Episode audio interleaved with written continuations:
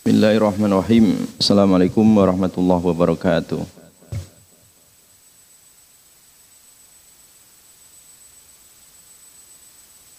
Alhamdulillah wassalatu wassalamu ala Rasulillah wa ala alihi wa ashabihi wa man sara ala najihi ila yaumil qiyamah wa la hawla wa la quwwata illa billah.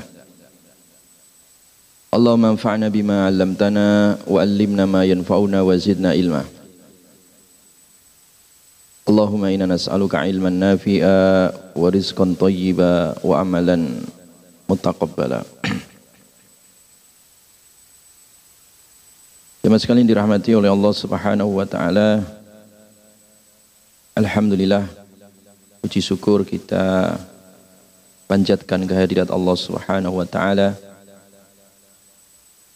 yang telah memberikan nikmat kepada kita semua pada kesempatan hari ini kita bisa hadir di majelis ilmu majelis Sahih Bukhari yang insya Allah kita sampai kepada hadis yang ke-22 ya.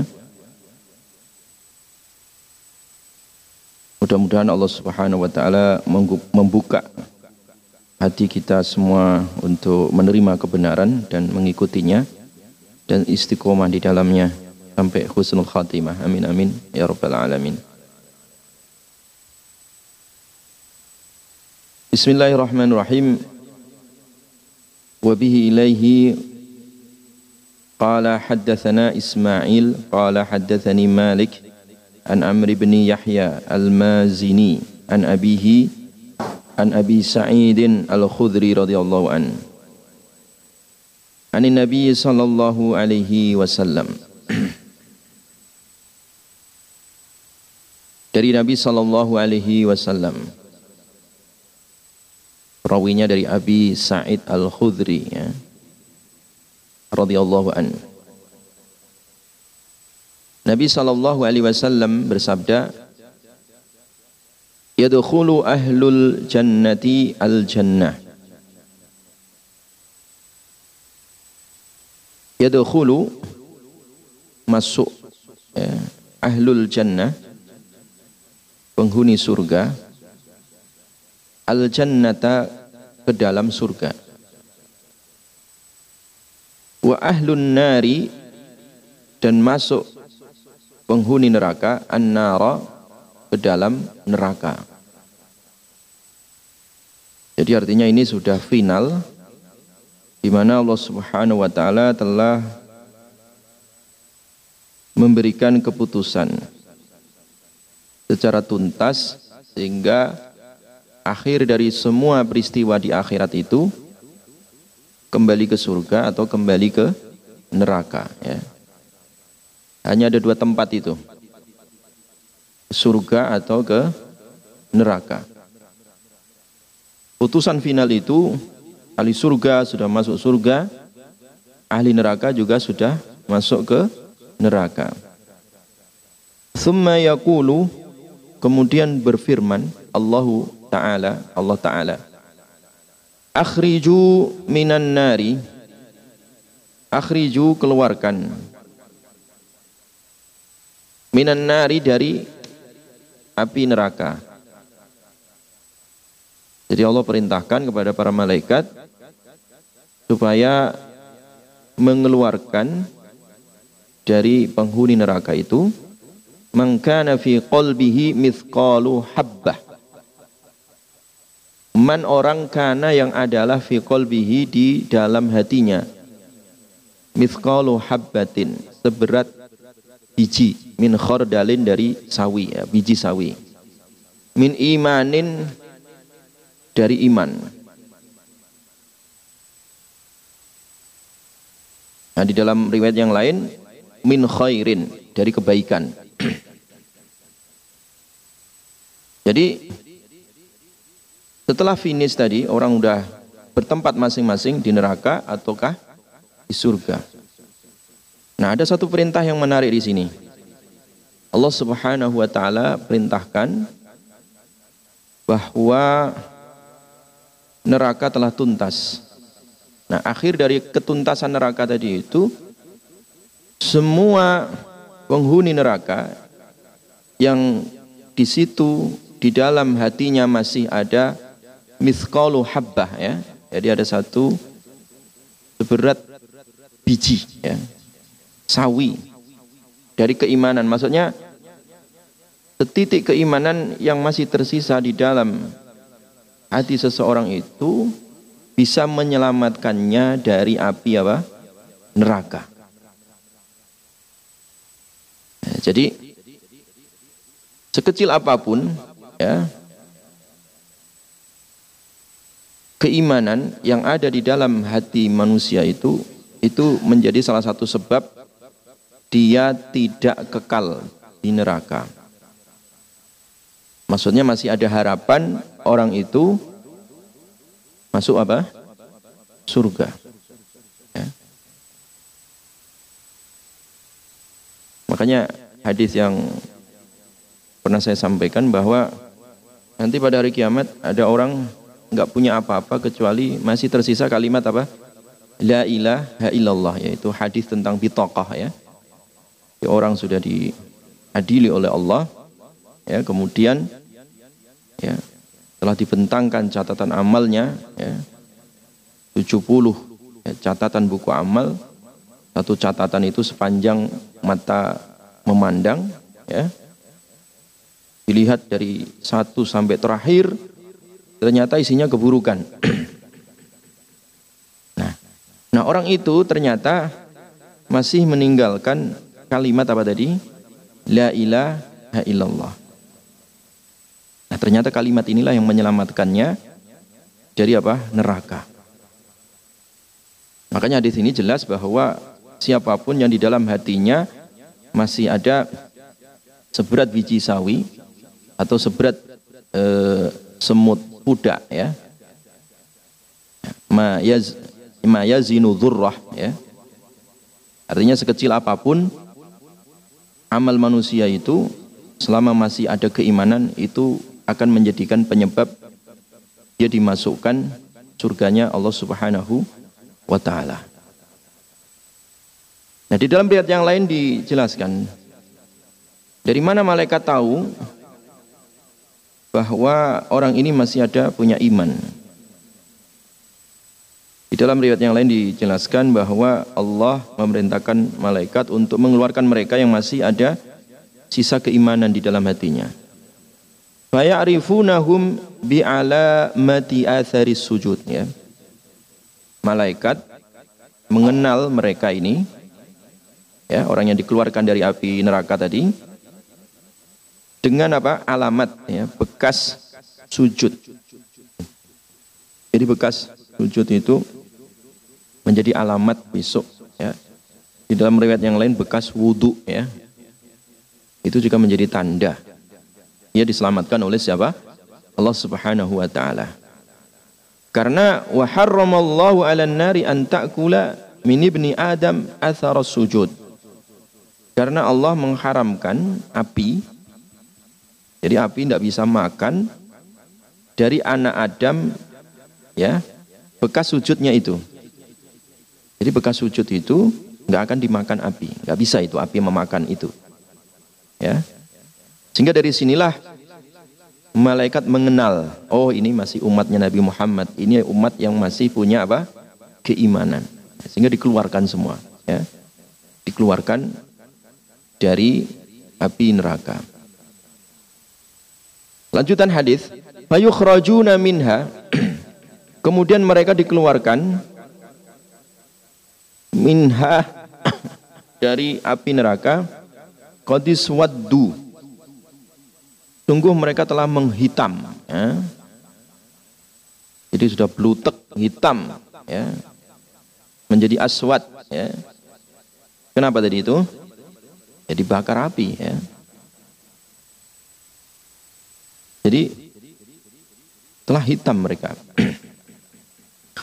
Bayul kauna kemudian mereka dilempar atau ditaruh pinah haril hayah awil hayati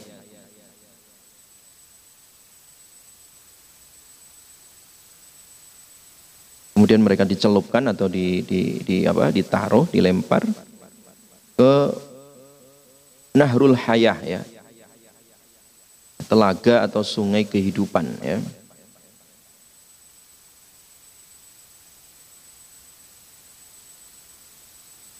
Jadi kalau ini rawi di sini e, ragu apakah nah, naharil haya atau hayah ada tak marbutonnya atau tidak ya.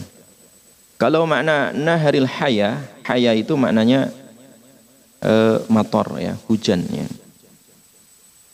Jadi artinya di sungai-sungai apa hujan surga itu yang terkumpul membentuk sungai itu mereka dicelupkan di situ. Atau kalimatnya adalah awil hayati jadi sungai kehidupan. Maksudnya siapa pun orang yang sudah gosong tadi, sudah menghitam, kalau dicelupkan ulang di sungai kehidupan di di akhirat nanti dia akan tumbuh gitu ya sempurna lagi seperti semula ya. Nggak nggak gosong nggak hangus. Syakka malik ya. Perawi di sini eh, ragu. Makanya ada kalimat au tadi. Ala kuli hal, tetapi mau naharil haya atau naharil hayati, ya, intinya orang-orang yang dikeluarkan dari api neraka itu besok ya, akan dihidupkan kembali oleh Allah Subhanahu wa taala, disterilkan kembali melalui sungai ya, yang dikenal dengan sungai Al-Haya atau sungai Al-Hayah ya, sungai kehidupan. Setelah dicelupkan di situ, bayam butuna, kemudian mereka tumbuh.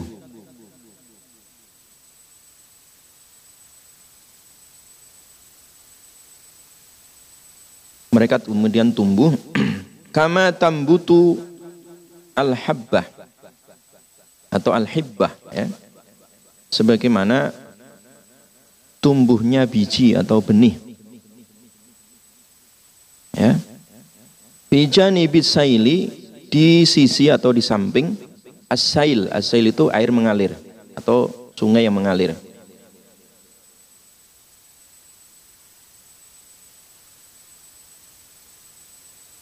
Jadi setelah penghuni neraka tadi yang masih ada seperti iman di dalam dadanya dikeluarkan, kemudian diapakan? Dicelupkan di sungai kehidupan tadi, Bahrul Hayah atau Nahrul Hayah. Nah, itu seketika langsung apa? Tumbuh ya.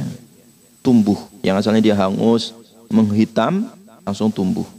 Nah, tumbuhnya itu kayak biji gitu ya, biji atau kayak benih yang ada di pinggir sungai. Nah, artinya benih yang tersirami oleh air atau bisa menyerap air, otomatis tumbuh apa? Subur seperti itu, ya. Jelas ya? Jadi artinya mereka akan kembali sempurna ya setelah dicelupkan ke dalam sungai kehidupan ini. Alam tara, apakah kamu tidak melihat ya? Perhatikan, disuruh perhatikan, annaha bahwa sesungguhnya ia ya, habbah atau hibbah tadi,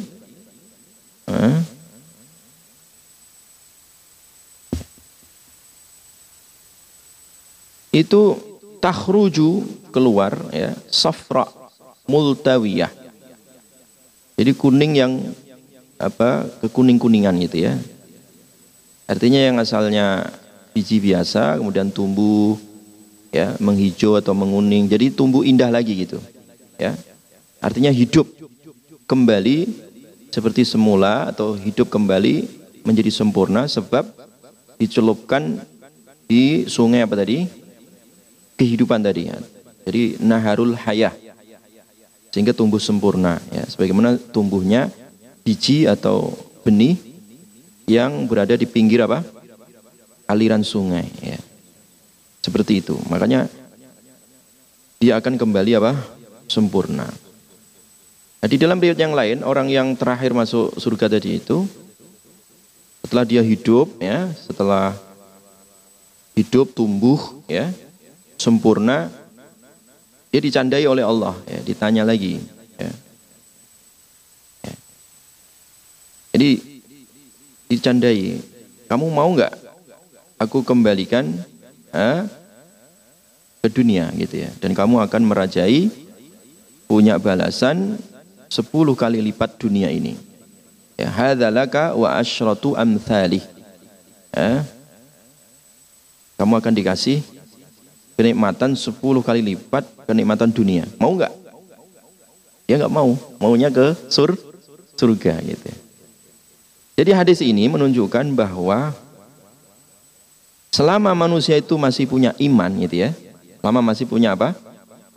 Iman, dia pasti masuk surga gitu. Walaupun mampir dulu ke neraka tadi. Walaupun sampai kodis wadu, artinya sampai gosong, sampai menghitam. Makanya jadi orang itu sebandel apa pun, yang penting jangan murtad gitu aja. Ya, Ya saya nggak ngajari supaya bandel gitu, enggak ya.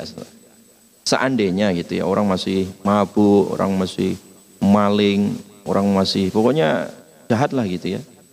Tapi selama masih ada iman di dalam hatinya ya, itu dia masih ada harapan surga. Ini keyakinan hadis ini adalah keyakinan ahlu sunnah wal jamaah. Berbeda dengan orang murjiah ya. Orang murjiah itu dia mengandalkan bahwa dosa nggak berpengaruh terhadap keimanan. Ya. Dan juga berbeda dengan orang khawarij ya. Orang khawarij itu orang sekali dosa besar dia dianggap murtad itu. Sehingga nggak ada kesempatan untuk masuk surga alias dia kekal selama-lamanya di di neraka. Ini ekstrim juga, khawarij ekstrim. Ya, murjiah juga apa? Ekstrim. Kalau murji anggapannya surga melulu, kalau khawarij neraka melulu gitu. Nah, dua-duanya ekstrim. Maka keyakinan ahlu sunnah di sini, ya, Imam Bukhari menyampaikan hadis ini bahwa selama manusia itu masih ada ya, seberat biji sawi atau seberat semut pudak ya, atau sepercik keimanan di dalam dirinya masih ada harapan untuk masuk apa? Surga. Ini masalah konsekuensi iman ya.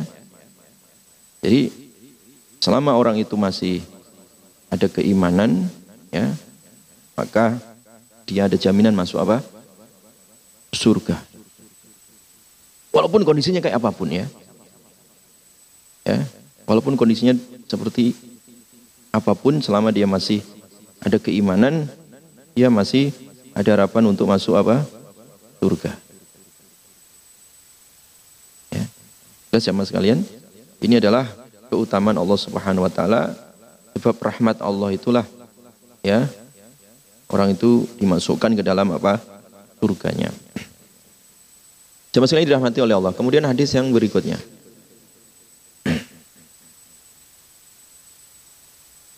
Hadis yang keberapa? 23 ya.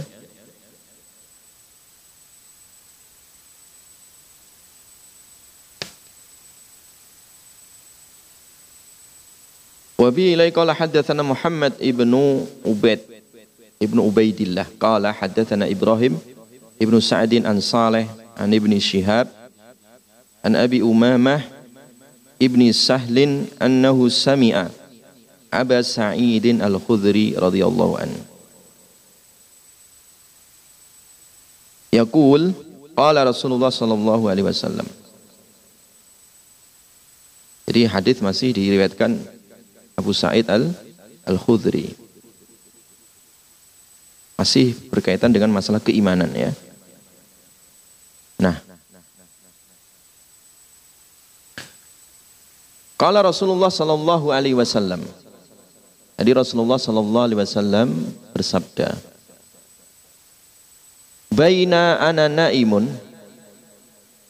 ketika aku tidur ya, naimun aku tidur. Baina ana ketika aku tidur Ra'aitun nasa Aku melihat manusia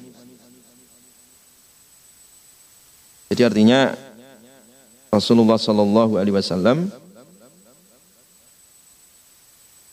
beliau apa tadi? Bermimpi ya. Mimpinya bahwa Nabi melihat siapa? Manusia ya. Banyak manusia. Yu'raduna alayya. Yu'raduna mereka ditampakkan atau dihadapkan alayya kepadaku. Wa alaihim dan ada pada diri mereka, pada diri mereka itu kumusun ya. Kumusun itu jama dari kalimat komis ya. Jadi ngikuti wazan uulun ya, umusun. Jama dari kalimat komisun ya, fa'ilun. Sama kayak kalimat roghifun, jamaknya rughuf. Nah gitu.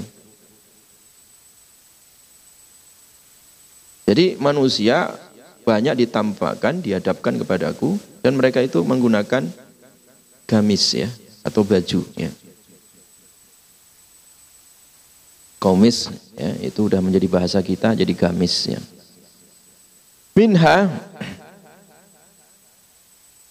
jadi manusia-manusia tadi pakai baju atau pakai gamis ya.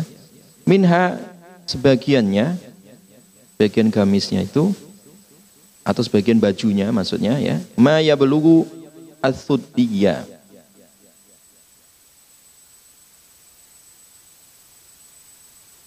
Ma baju yang sampai kepada sudi.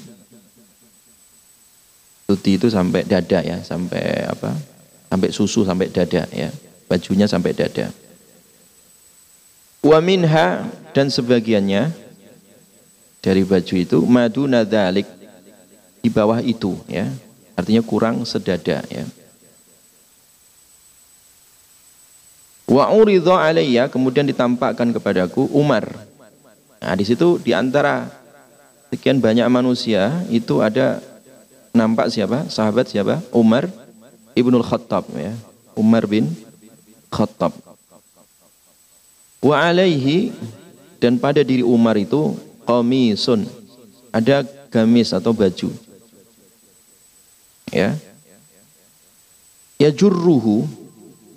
Nah, bajunya itu diseret. Nah, artinya panjang gitu bajunya itu, ya Ya juru itu artinya diseret atau di kalau bahasa Jawanya ngelembreh gitu ya. Jadi diseret e, karena saking panjangnya bajunya sahabat Umar.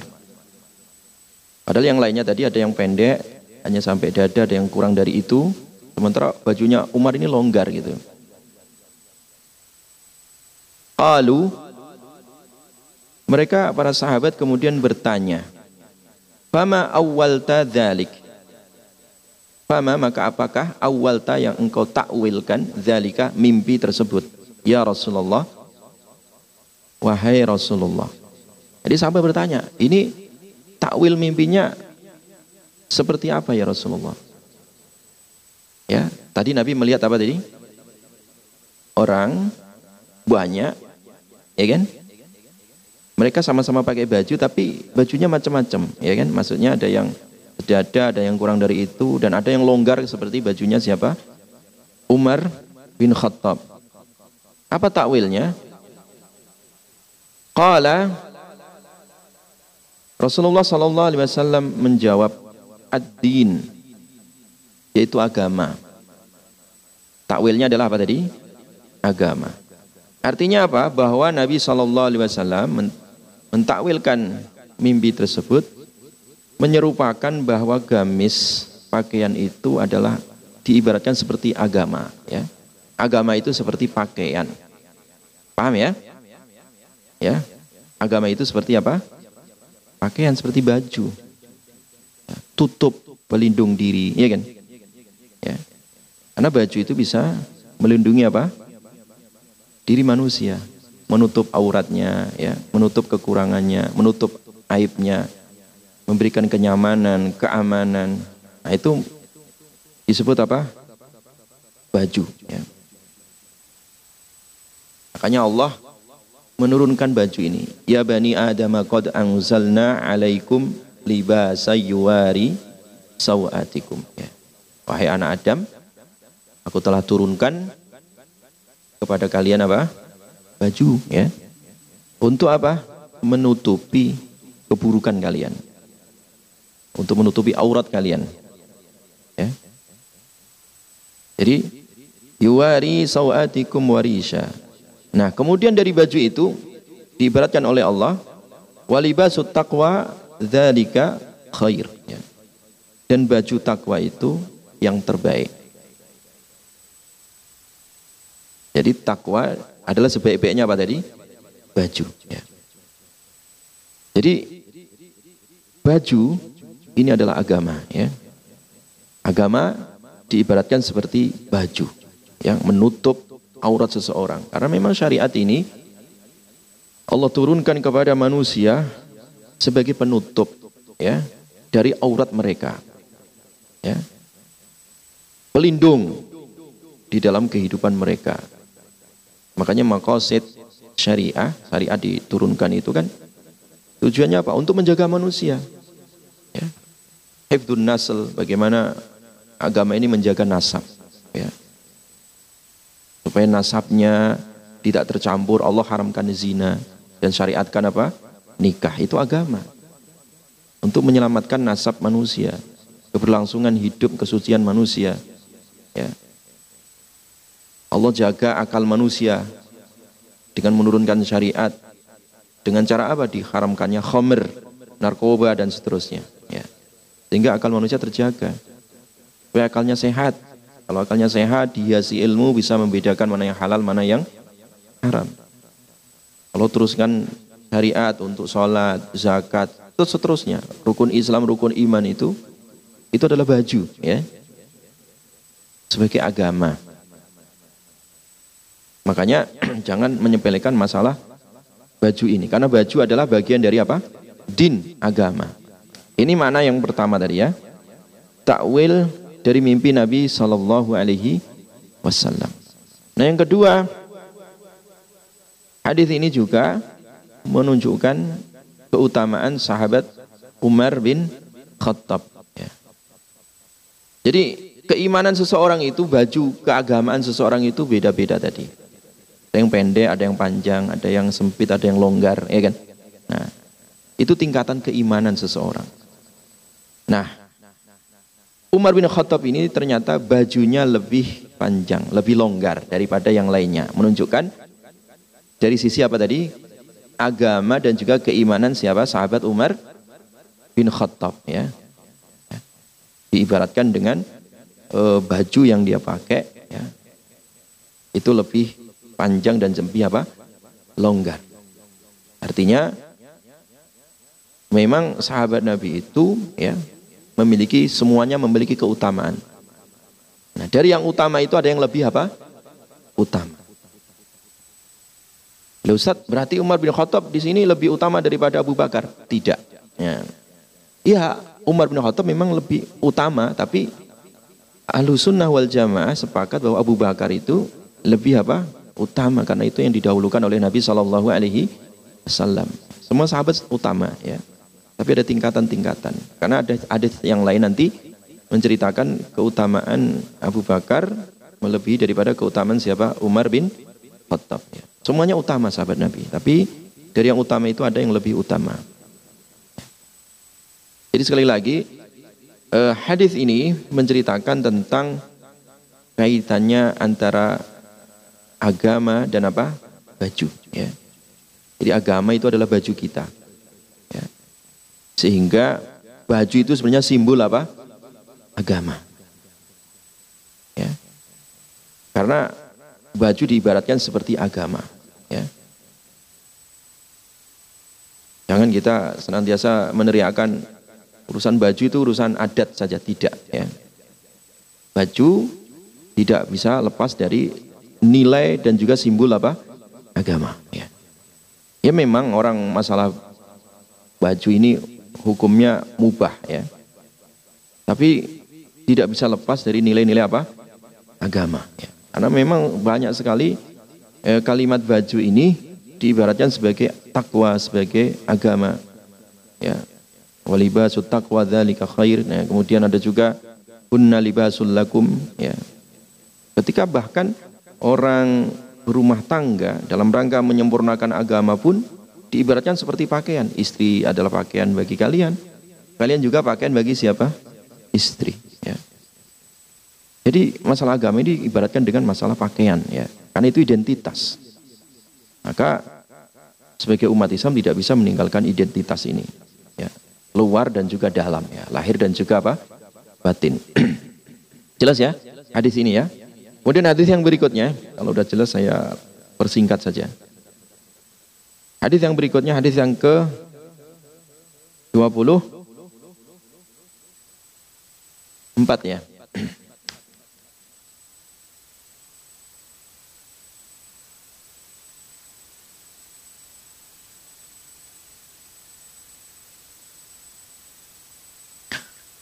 Bab tentang al-haya minal iman ya. Jadi al-haya'u minal iman. Sifat malu itu termasuk bagian dari apa? Keimanan. Jadi salah satu pilar keimanan itu adalah sifat apa? sifat malu ya. Sifat malu ini.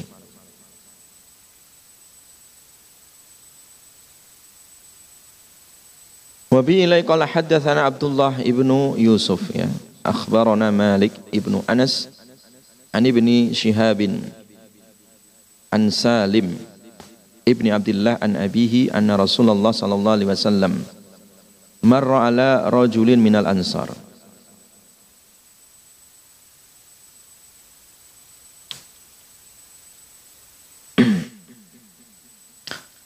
Bahwasanya sesungguhnya Rasulullah sallallahu alaihi wasallam marra melewati. Saya terjemah dulu setiap kata ya supaya paham ala rajulin. Jadi melewati di hadapan seseorang ya orang laki-laki. Minal ansari dari sahabat ansar. Wahua Nah sahabat ini Ya'idhu akhahu Menasehati saudaranya Bil hayai dalam masalah Haya sifat malu ya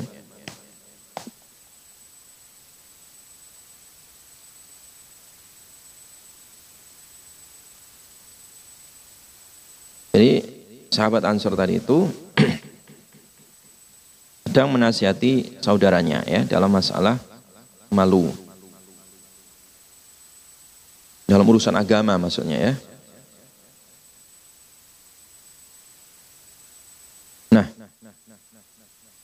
melihat itu, faqala Rasulullah sallallahu alaihi wasallam.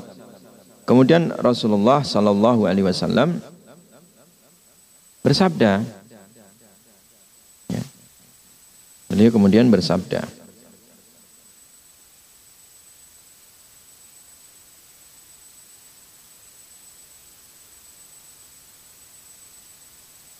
Da'hu biarkan ia, biarkan ya. Artinya tinggalkan ia, tinggalkan atau biarkan. Fa'inal haya'a karena sesungguhnya sifat malu itu minal iman. Termasuk bagian dari apa? Iman. Jadi dua saudara tadi itu yang dari sahabat Ansar menasihati siapa tadi? Saudaranya ya dalam masalah malu. Kemudian Nabi mengingatkan udah biarin aja. Biarkan dia malu. Ya, punya sifat malu maksudnya karena malu itu bagian dari apa tadi? Keimanan ya. Jadi maksudnya tadi, sahabat Ansor yang nasihati saudaranya tadi itu karena saudaranya itu terlalu pemalu sehingga dinasihatin kamu itu jangan terlalu malu terus kalau malu begini dan begini gitu. Kamu nggak bisa ini nggak bisa itu dinasehati dalam masalah apa? Malu. Mendengar itu Nabi mengatakan da'hu. Ya udah biarin aja. Biarkan dia punya sifat apa? Malu. Karena sifat malu itu bagian dari apa? Keimanan. Jadi makanya kalau kita punya anak ya, maksudnya anak perempuan kok pemalu gitu ya. Biarkan aja bagus itu sifat malu itu. Ya. Malu dalam arti positif ya. Ya malu dia keluar kalau nggak pakai jilbab dia malu bagus itu itu dipelihara sifat itu zaman sekarang kok masa malu kayak gitu nggak udah nggak milenial katanya ya, ini malah rusak kalau seperti itu karena malu Bagian dari apa? Iman. Bahkan malu ini barometer ya. Keimanan seseorang. Kalau orang udah nggak punya rasa malu berarti kendali imannya, rem keimanannya itu sudah hilang, sudah blong gitu ya.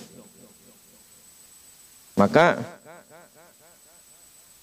di dalam hadis yang lain Nabi mengatakan inna mimma adrakan nasu min kalamin nubuwatil ula idza lam tastahi di dalam tastahi fasna ma syi'ta.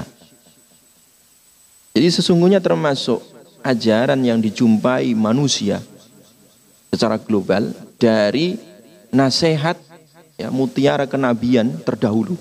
Artinya apa? Nabi-nabi terdahulu ya mewasiatkan masalah malu ini. Jika kalau ada orang sudah nggak punya rasa malu, ya dia akan semaunya mengerjakan apa yang dia mau itu. Jadi fasna masyita. Jelas ya? Makanya hadis ini sebenarnya ya hadis yang sangat dalam ya. Jika kamu nggak punya malu, silahkan berbuat semaumu kan itu kan. Artinya seakan-akan orang udah nggak punya rasa apa? Iman. Makanya dulu orang mendengar hadis ini itu seketika sadar gitu. Ada kisah di dalam perjalanan para ulama hadis ya. Di Baghdad dulu ada salah seorang ulama mantan preman ya. Namanya Al-Qa'nabi. Imam Al-Qa'nabi itu dulu hidup di Baghdad, dia tukang mabuk, preman jalanan. Ya. Jadi mabuk di jalan, pokoknya tak punya rasa malu jalan. Mabuk teler di jalan dan seterusnya. Sampai suatu ketika, jalan itu ramai luar biasa, karena masyarakat menyambut salah seorang ulama hadis yang bernama Imam Syu'bah. Nah, Imam Syu'bah itu salah seorang ulama besar dalam masalah riwayat hadis ya. Orang semuanya kenal, sebagdad ibaratnya orang satu negara kenal yang namanya Syu'bah itu. Kecuali dia ini, kecuali kok Nabi ini yang kenalnya dia minuman aja tahunya. Ketika dia tanya karena dia merasa penguasa jalan, kok rame-rame nggak izin sama dia itu kan ngerebut jalan itu. Dia tanya, ini siapa yang mau datang ke sini? Syu'bah. Siapa Syu'bah? Ahlu hadis. Apa itu hadis? Nah.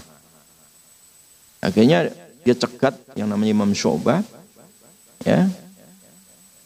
Kemudian dia kepengen tahu ahli hadis itu apa, hadis itu apa.